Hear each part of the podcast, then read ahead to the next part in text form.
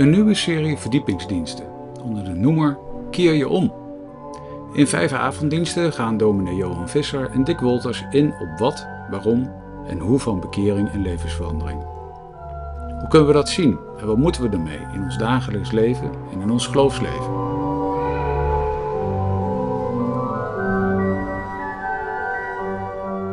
Dit is de derde in de serie van vijf.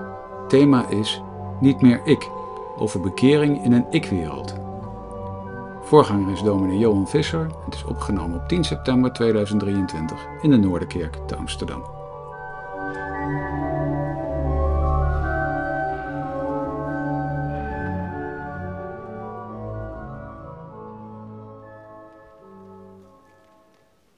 De serie over keer je om, bekering, die eh, gaat vanavond verder. De derde, de derde aflevering. En dat gaat over bekering in een ik-tijdperk. Daarover straks meer. We lezen twee gedeelten.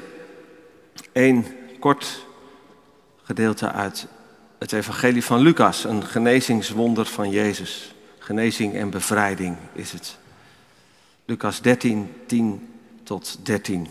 En daarna uit de brief van Paulus aan de Galaten, het tweede hoofdstuk. En Jezus gaf onderwijs op de Sabbat in een van de synagogen. En zie, er was een vrouw die 18 jaar lang een geest had die haar ziek maakte. En zij was kromgebogen en kon zich in het geheel niet oprichten. En toen Jezus haar zag, riep hij haar bij zich en zei tegen haar: Vrouw, u bent verlost van uw ziekte. En hij legde de handen op haar en ze werd onmiddellijk weer opgericht en verheerlijkte God.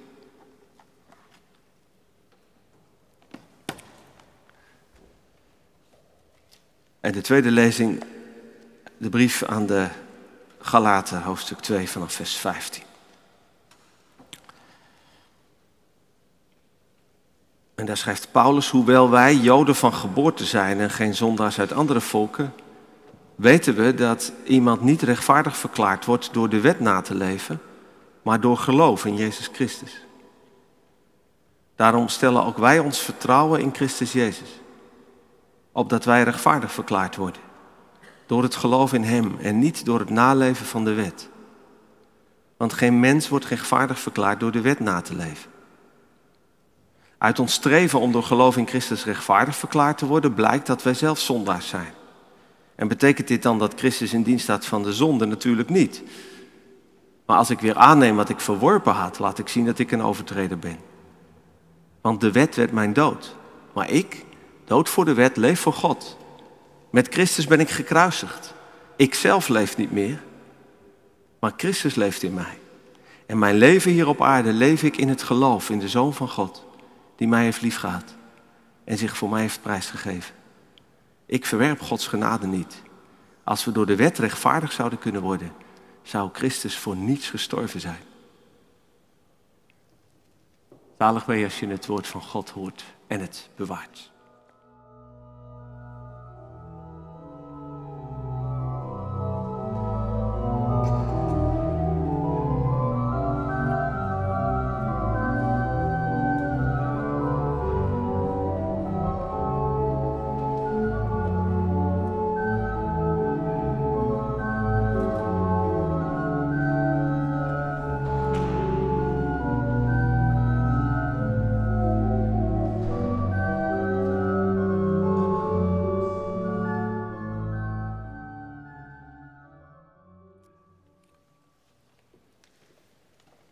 Gemeente van Jezus Christus.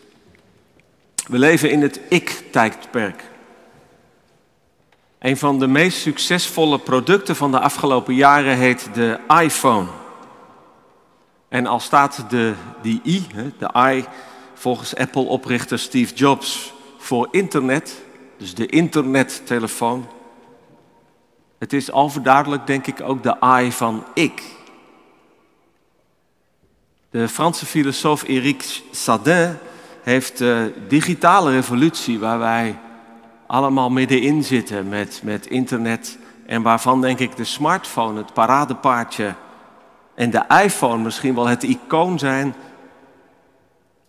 Die filosoof zegt dat die revolutie ons mensen diepgaand beïnvloedt. En hij, hij komt tot de conclusie, zijn stelling is dat de invloed vooral is dat we een steeds sterker wordend gevoel krijgen, een sensatie dat het eigen ik in het middelpunt van alles staat. Het eigen ik staat in het middelpunt van alles.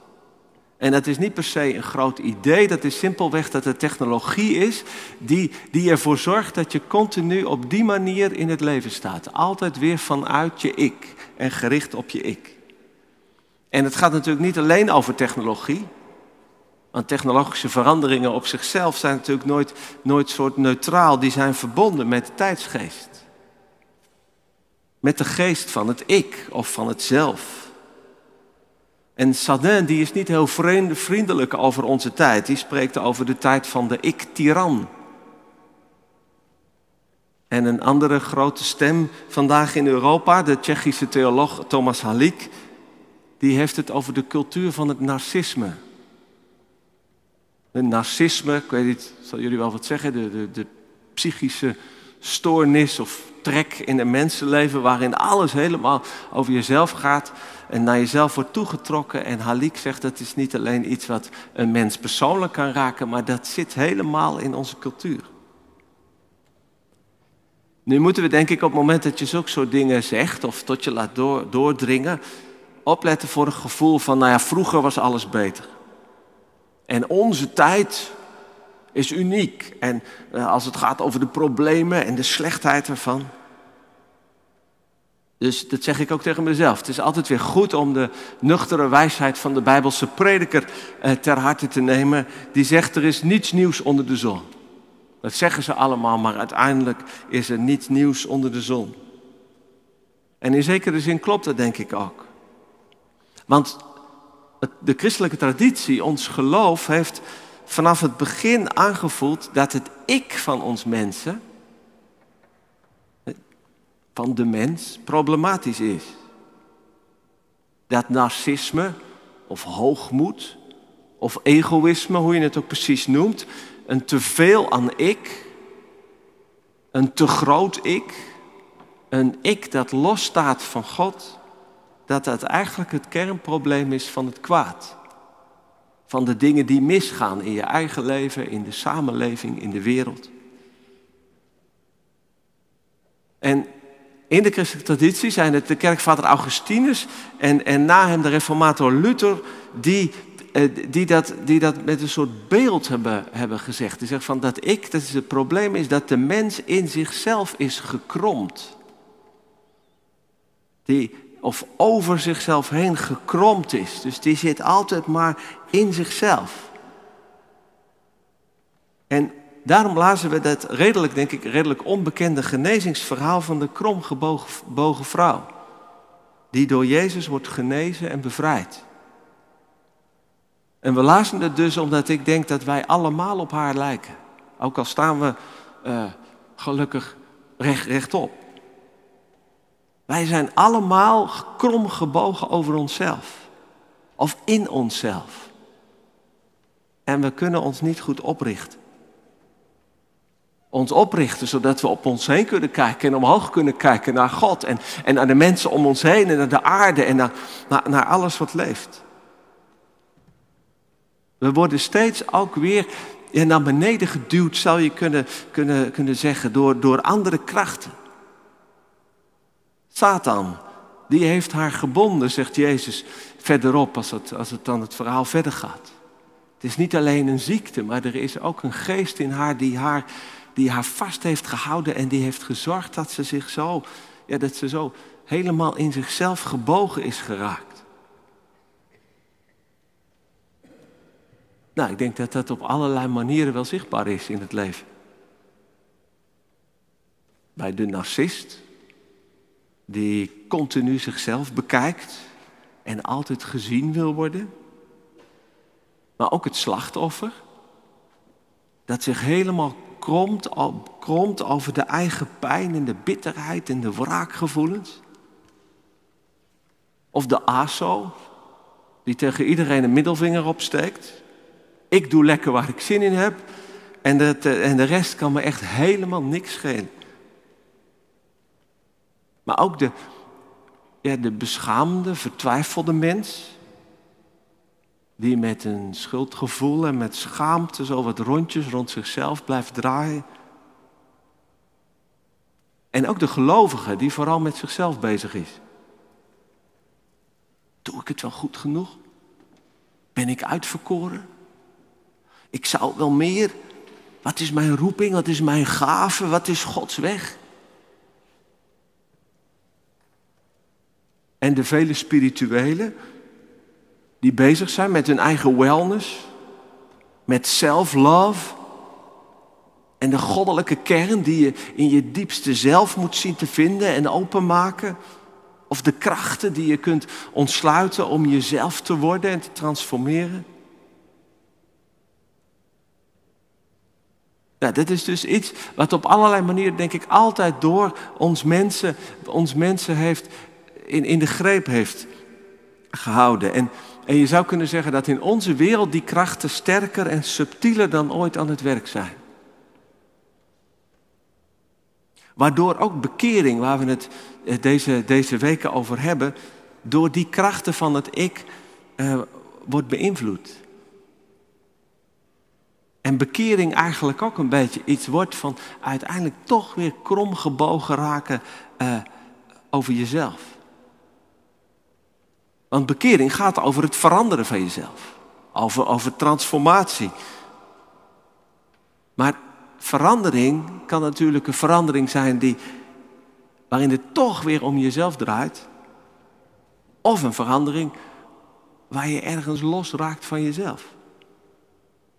En bekering in christelijke zin is het laatste. Dat gaat niet over zelfontplooiing en zelfverwerkelijking en zelfliefde. Dat is uiteindelijk niet, er kan er misschien wel wat bij komen te kijken, maar uiteindelijk gaat het daar in de kern niet om. In de kern is bekering een radicale breuk. In jezelf. Het is de dood van dat ego dat, dat over zichzelf gebogen is.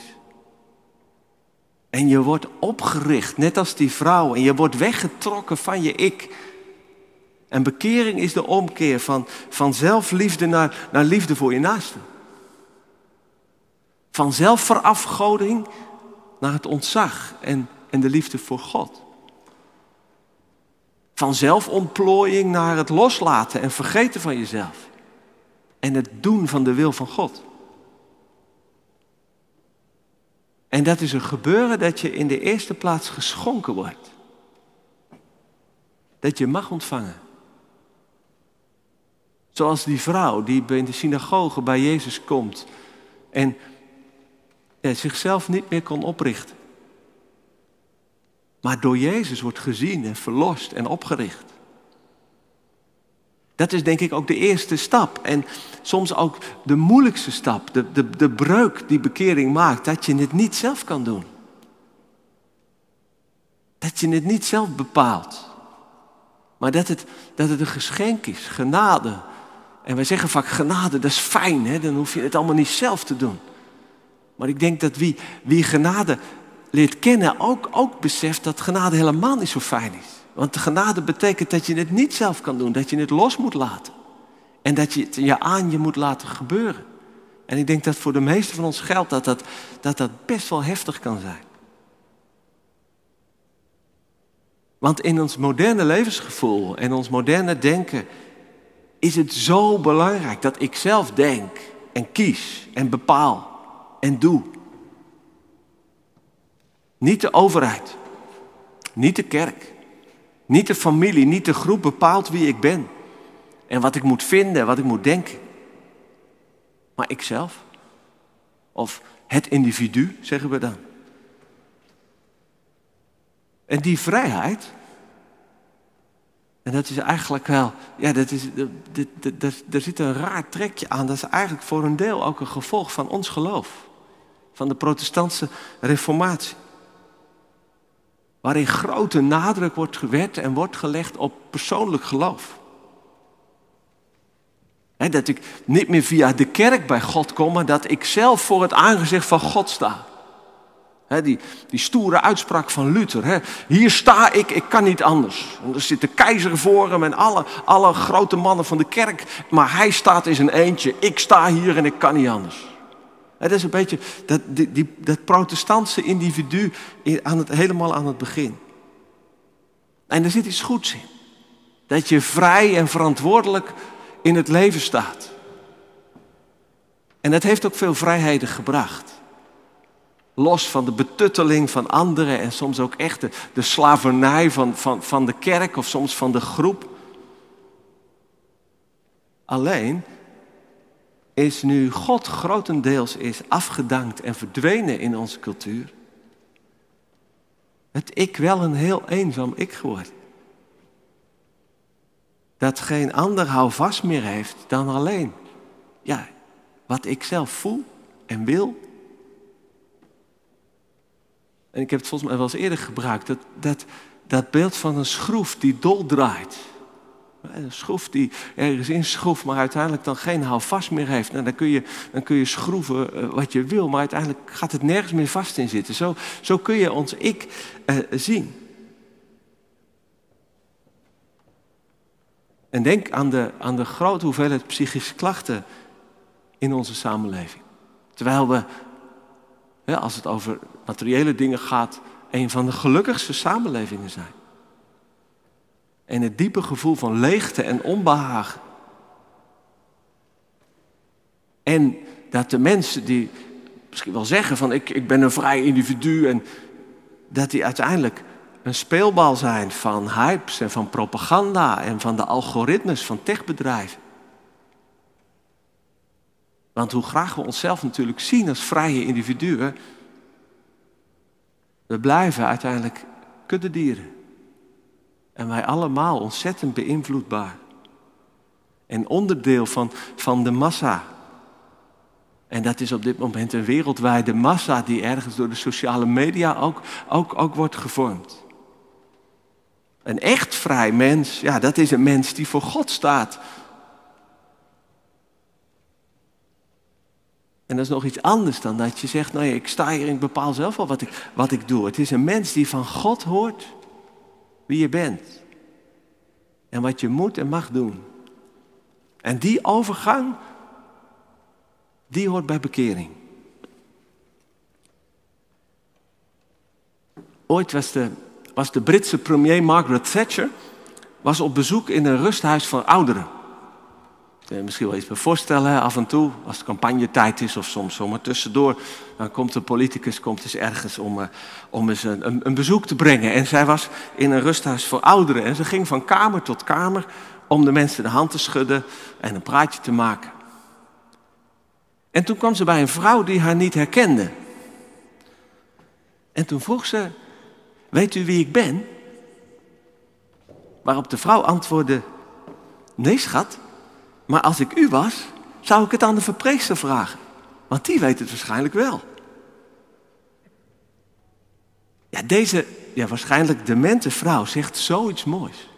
En zoiets waars. En ik zou zeggen, in onze tijd is dit eigenlijk een ontzettend profetische uitdrukking van deze vrouw.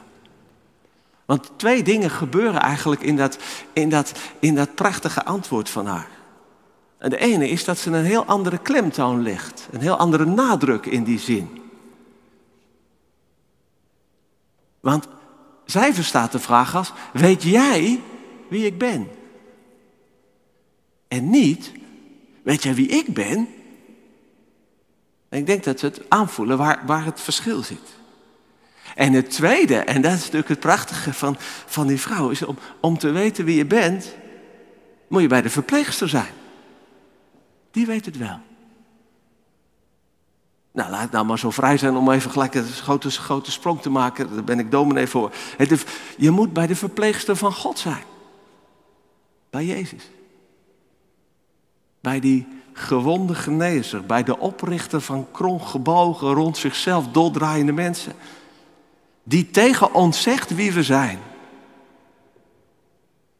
Ik denk dat we ergens met dit kort kleine verhaaltje, dit gebeuren, eh, denk ik, soort, soort de kern voor heel veel van dat ik gebeuren van onze tijd raak.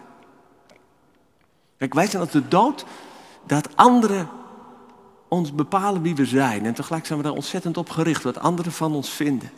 En er is iets van vrijheid in als je kunt zeggen op een bepaald moment. En niet wat anderen vinden, maar, maar, maar wat ik zelf vind. En sommige mensen zijn hun hele leven lang in therapie om, om daar te komen. Alleen denk ik dat het christendom nog weer een andere weg wijst. De weg is niet van bepaal ik wie ik ben, bepalen de anderen of, of, of de groep of bepalen die wie ik ben. Nee, God bepaalt wie ik ben. Jezus bepaalt wie ik ben.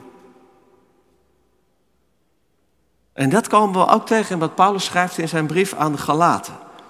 En ik kan er vanavond helaas weinig over zeggen. Ik schaam me een beetje. Ik vind altijd als je een pericoop uit de Bijbel leest, moet je hem uitleggen. Maar dat zou echt te veel worden, dat wil ik jullie niet aandoen. Dus ik, ik, ik richt me vooral op dat, dat ene zinnetje, vers 19 en 20. Waarin Paulus zegt, met Christus ben ik gekruisigd. Ik zelf leef niet meer, maar Christus leeft in mij.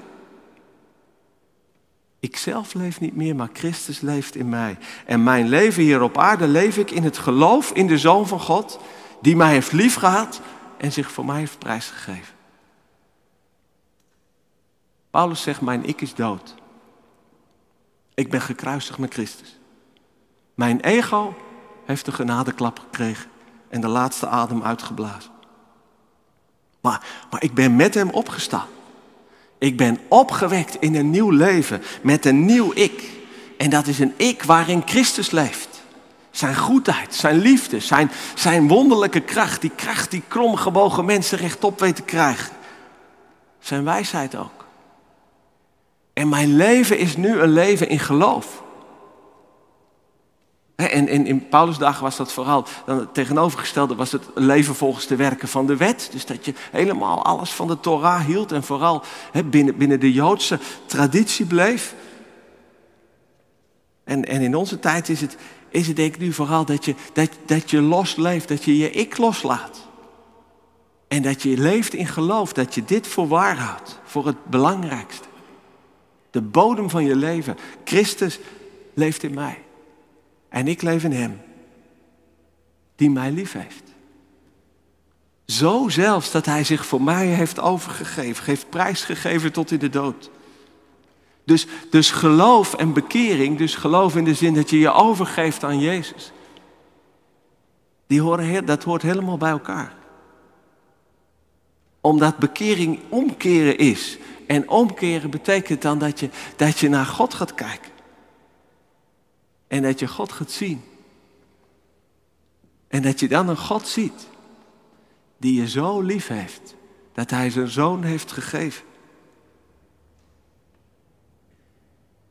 Dat is wat, wat ook zo mooi verwoord is in, de, in, het, in het begin van de Heidelbergse catechismus. De eerste zondag die waarschijnlijk een aantal van de ouderen en nog wel, en misschien sommige jongeren ook wel uit je, uit je hoofd kent. Hè? Wat is je enige troost? Wat is je enige houvast in leven en in sterven? Dat ik niet meer van mezelf ben, maar dat ik van Jezus Christus mijn heiland ben. Ik ben niet meer van mezelf. Dat is de kern van het geloof. Maar, maar godzijdank ben ik van Christus. En Christus heeft zich voor mij gegeven en die zal voor me zorgen, die zal me de weg wijzen. En, en, en in Hem wil ik leven en zijn weg ook gaan. En ik kan me voorstellen dat het niet zomaar helder is. En om eerlijk te zijn, ik denk soms ook dat ik eigenlijk helemaal niet zoveel van snap hoe dat nou, nou gaat. Maar, maar ik hoop wel dat je iets van de troost en de vrijheid en de, ja, de kracht van deze omkering van alles aanvoelt. Want er zijn momenten dat ik echt kan dansen als, ik, als dit tot me doordringt. Want dit is zo'n vrijheid. De anderen hoeven me niet meer te bepalen. En wat ze ook van me vinden. Maar ik hoef mezelf ook niet meer te bepalen. Ik hoef mezelf niet te behandhaven. Niet altijd maar te verdedigen. Ik hoef mezelf niet te maken. Ik hoef mezelf niet eens te kennen. En iemand te zijn, want er is er één. Die mij kent.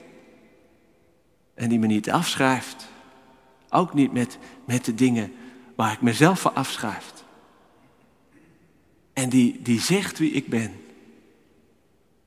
En die me opricht en zegt, jij bent een zoon, jij bent een dochter van God. Weg van dat, dat van mezelf en dat hele project van het, van het ik. Free at last. Eindelijk echt vrij. Om, om lief te hebben en om je heen te kijken en, en omhoog te kijken. Ja, ten slotte nog even iets, iets concreter. Hè. Dus twee dingen die ik wil zeggen, die bij die bekering van ons ik en dit geloof dat we niet meer van onszelf zijn, die in deze narcistische wereld van belang zijn. Eerste plaats denk ik meer aandacht voor het gemeenschappelijke van geloof en bekering. Ik denk dat de grote nadruk op een persoonlijk geloof, een individueel geloven, dat dat heel erg is doorgeschoten onder ons westerse christenen.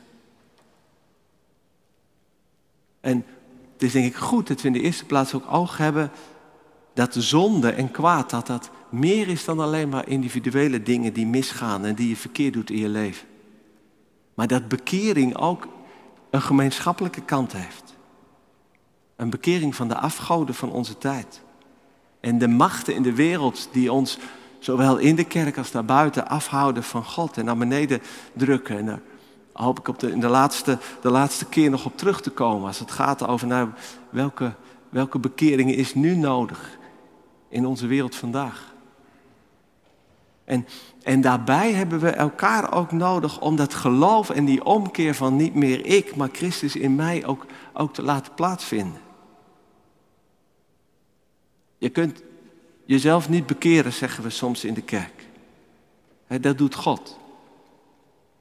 Maar God gebruikt daar bijna altijd anderen bij.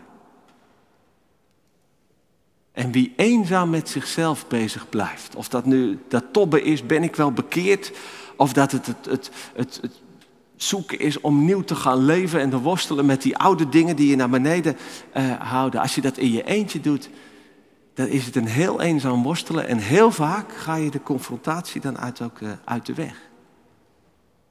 En God heeft één belangrijk instrument gegeven om, om je om bekeerd te worden, om het zo te zeggen. En dat is de ander. Beleid een ander je zonde. Spreek eerlijk met anderen over je struggles. Durf een ander die dat tegen je doet ook vergeving te geven in naam van God. Durf eerlijk te zijn tegen elkaar. En zeg tegen elkaar soms ook in naam van God. Maar je bent een geliefd kind van God. Houd nou toch eens op met dat tobben en in jezelf zitten. We hebben elkaar nodig. Om elkaars lasten te dragen. En ik weet ook wel, dat, dat zeg ik nu wel zo en dat klinkt misschien wat enthousiast, maar dat kan best heel lastig en frustrerend zijn. Want andere mensen, die kunnen net zo irritant zijn als jezelf en net zo moeilijk. Maar het alternatief, in je eentje geloven of, eh, of solo met God, dat is zo vaak in je eentje. Met de God in jezelf, dat hoor ik mensen wel eens zeggen. Ik geloof ook in God, ik geloof met de God in jezelf. Dan denk ik, dat is wel een heel klein godje hoor. Die helemaal alleen maar in jouzelf past. Of het is een soort buikspreek God die je kan je ook hebben. En dan denk je dat God spreekt, maar je bent het alleen maar zelf. En het tweede, concrete, denk ik dat we ook wat eerlijker en nederiger over onszelf gaan denken. Dat hele idee dat wij een ik zijn. Een zelf. En dat we onszelf kunnen kennen ons, soms wel ons diepste zelf. en dat we, dat we onze identiteit moeten gaan bepalen. Dat gaat er allemaal van uit dat er een soort ik is, dat er, dat er een soort, soort stoer in de wereld staat. Maar is dat echt hoe, hoe wij mensen zijn?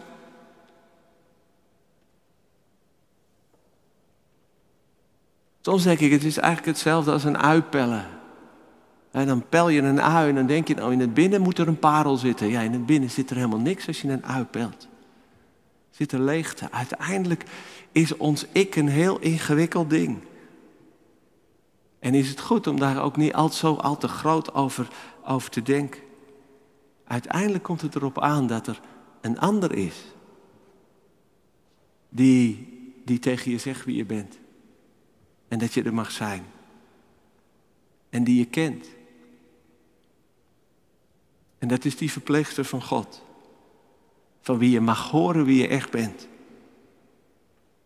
En ik sluit af met een gedicht van Dietrich Bonhoeffer. Duitse theoloog, martelaar. En hij schreef het uit de cel in Berlijn, juni 1944. Bonhoeffer zat gevangen vanwege het complot tegen Hitler. En schreef vanuit die, die cel allerlei brieven. En je krijgt het idee van inderdaad een ongelooflijk groot mens. Zo'n werkelijk nou, als een zelf is, dan was dat Bonhoeffer wel. En hij schrijft dit. Wie ben ik? Ze zeggen me vaak, je treedt uit je cel, rustig, blij en zeker, als een burchtheer uit zijn slot. Wie ben ik? Ze zeggen me vaak, je spreekt met de bewakers vrij, rechtuit en vriendelijk, als was je hun heer.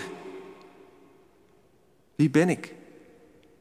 Ze zeggen me ook, je draagt je zwarte dagen evenwichtig en waardig, als iemand die gewend is te overwinnen. Ben ik werkelijk wat anderen van mij zeggen? Of ben ik alleen wat ik weet van mijzelf? Onrustig, vol heimwee, ziek als een gekooide vogel, snakkend naar lucht als werd ik gewurgd, hongerend naar kleuren, naar bloemen en vogels, dorstend naar een woord, naar een mens dichtbij, trillend van woede om willekeur, om de geringste krenking, opgejaagd, wachtend op iets groots, machteloos bang om vrienden in de vreemde, moe en te leeg om te bidden, te danken, te werken, murf en bereid om van alles afscheid te nemen. Wie ben ik? De een of de ander? Ben ik nu de een en morgen de ander? Ben ik beide tegelijk? Huichel ik voor de mensen? En ben ik in mijzelf een huilen, een verachtelijk huilende zwakkeling? Lijkt wat nog in mij is op een verslagen leger? Wanordelijk, vluchtend naar de verloren slag? Wie ben ik? Ik ben een speelbal van mijn eenzaam vragen. Maar wie ik ook ben, gij kent mij. En ik ben van u, mijn God. Amen.